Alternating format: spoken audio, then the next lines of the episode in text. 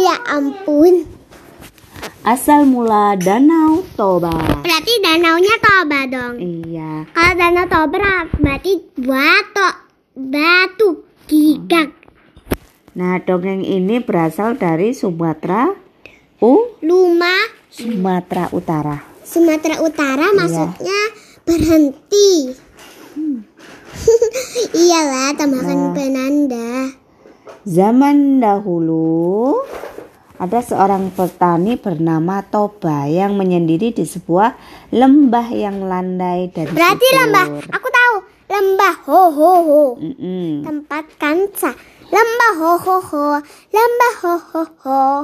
Nah, petani itu mengerjakan sawah dan ladang untuk keperluan hidupnya. Selain mengerjakan ladangnya, kadang-kadang lelaki itu pergi memancing ikan ke Untuk makan. sungai. Untuk apa? Untuk memakan. Iya, yang berjarak tidak jauh dari rumahnya. Setiap kali ia memancing, mudah saja ikan didapatkannya karena di sungai yang jernih itu memang banyak sekali ikan. Ikan hasil pancingannya ia ma- ia makan, ia masak untuk dimakan. Nah, pada suatu sore setelah pulang dari ladang, lelaki itu langsung pergi ke sungai untuk memancing. Tidak beberapa tak lama kemudian pancing itu disambar ikan yang langsung menarik pancing itu jauh ke tengah sungai. Hati petani itu menjadi gembira karena dia tahu bahwa ikan yang menyambar pancingnya itu adalah ikan yang besar. Setelah beberapa lama ia biarkan pancingnya ditarik ikan itu ke sana kemari. Barulah pancing itu ditariknya perlahan-lahan. Ketika pancing itu disentakkannya tampaklah seekor ikan besar tergantung dan menggelepar-gelepar di ujung tali pancingnya. Dengan cepat ikan itu ditariknya ke darat supaya tidak lepas. Sambil tersenyum gembira, mata pancingnya dia lepas dari mulut ikan. Dia tersenyum sambil membayangkan betapa enaknya dagingnya nanti. Nah, kan emas. Apa nanti asam? ya namanya ikan ikan emas aja, enak aja dimakan kayak kamu makan gurami tadi. Bun, hari Minggu beliin aku gurami dong. Enak banget itu. Iya. Ketika dia meninggalkan sungai untuk pulang ke rumah har- ke rumahnya, hari sudah mulai senja. Setibanya di rumah, lelaki itu langsung membawa ikan besar hasil pancingannya itu ke dapur. Ketika dia hendak menyalakan api untuk memanggang ikan itu, ternyata kayu bakar di dapur rumahnya sudah habis. Dia segera keluar untuk mengambil kayu bakar dari bawah kolong rumahnya. Kemudian sambil membawa beberapa kayu bakar, ia kembali ke rumah langsung menuju dapur. Saat laki lelaki itu di dapur, dia terkejut karena ikan besar itu sudah tidak ada lagi. Tetapi di tempat ikan itu tadi terletak tampak beberapa keping uang emas. Lelaki itu segera membawa keping uang emas ke dalam kamar.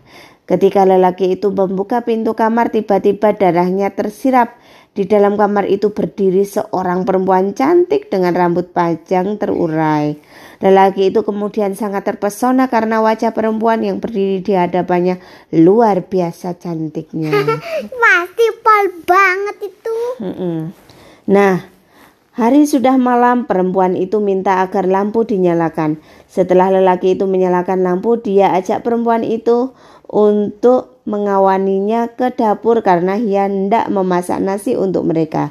Sambil menunggu nasi masak, diceritakan oleh perempuan itu bahwa dia adalah jelmaan ikan besar yang tadi dia dapat di sungai. Kemudian dijelaskan pula bahwa beberapa keping uang emas yang terletak di dapur adalah jelmaan sisiknya. Nah, Sisiknya jadi apa? jadi kepingan emas. Kenapa? Ya, karena dia berubah menjadi manusia. Nah, perempuan itu bersedia menerima lamarannya dengan syarat lelaki itu harus bersumpah bahwa seumur hidupnya tidak akan pernah mengungkit asal-usul istrinya. Kenapa kok nggak boleh diberitahu? Ya, Kenapa? ya nanti bahaya untuk sungainya. Nanti sungainya bisa jadi danau. Ya, Danau apa?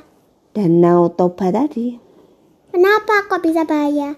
Ya bahayalah nanti rakyat di sekitar situ bisa kebanjiran. Oh, Nah, setahun kemudian mereka dikaruniai seorang anak laki-laki yang bernama Samosir. Anak itu sangat dimanjakan oleh ibunya sehingga dia menjadi pemalas. Makanya Kak Kia kalau Bunda marah, Bunda disiplin itu biar Kak Kia menjadi anak yang rajin, tidak pemal pemalas. Nah, kenapa sama ibunya dimanjain? Ya karena saking sayangnya Saking sayangnya, saking senengnya ikannya punya anak. Satu-satunya. Itu tadi. Nah, ini. setelah iya, setelah cukup besar anak itu disuruh ibunya untuk mengantar nasi. Anak itu males-malesan, nggak mau. Aku nggak mau ah ngantar nasi karena terus dipaksa ibunya. Akhirnya dia kesal Nah, di tengah jalan dia makan semua apa? Semua lauk pauknya dia lahap hingga habis hingga tersisa nasi yang sedikit. Saat menerimanya si ayah sudah sangat lapar karena nasinya terlambat sekali diantarkan. Oleh karena itu, maka si ayah jadi sangat marah ketika melihat nasi diberikan adalah nasi yang sisa. Amarahnya makin bertambah ketika anaknya mengaku bahwa dialah yang makan sebagian besar dari nasi itu. Nah, kesabaran si ayah jadi hilang. Anaknya itu dipukuli dan dihajar. Ya, terus ayahnya juga bilang, "Oh, dasar ada ikan gitu." Ayahnya mengumpat. Padahal kan tadi perjanjiannya sama putri tadi kan nggak boleh menceritakan asal usulnya kalau putri tadi dari ikan kan. Kenapa? Nah, Emang rakyatnya nanti kebanjiran? Iya ini akibatnya. Ini. Nah Pak Tani tadi itu mengumpat. Oh dasar keturunan perempuan ikan. Nah sambil menangis anak itu berlari pulang menemui ibunya di rumah. Kepada ibunya dia adukan bahwa dia dipukuli ayahnya. Semua kata-kata cercaan ayahnya kepadanya dia ceritakan pula. Mendengar cerita anak itu si ibu sedih sekali, terutama karena suaminya sudah melanggar sumpahnya dengan kata-kata cercaan yang ia ucapkan. Ya nggak jadi, ibunya kan jadi ikan lagi. Nah si ibu menyuruh anaknya agar segera pergi mendaki bukit yang terletak tidak begitu jauh dari tempat itu. Tanpa bertanya lagi si anak segera segera melakukan perintah ibunya. Nah, ketika tampak si ibu anaknya sudah hampir sampai ke puncak pohon kayu yang dipanjat di atas bukit, dia pun berlari menuju sungai yang hmm? Terus yang dikunci itu siapa? Iya, ini beda lagi nanti.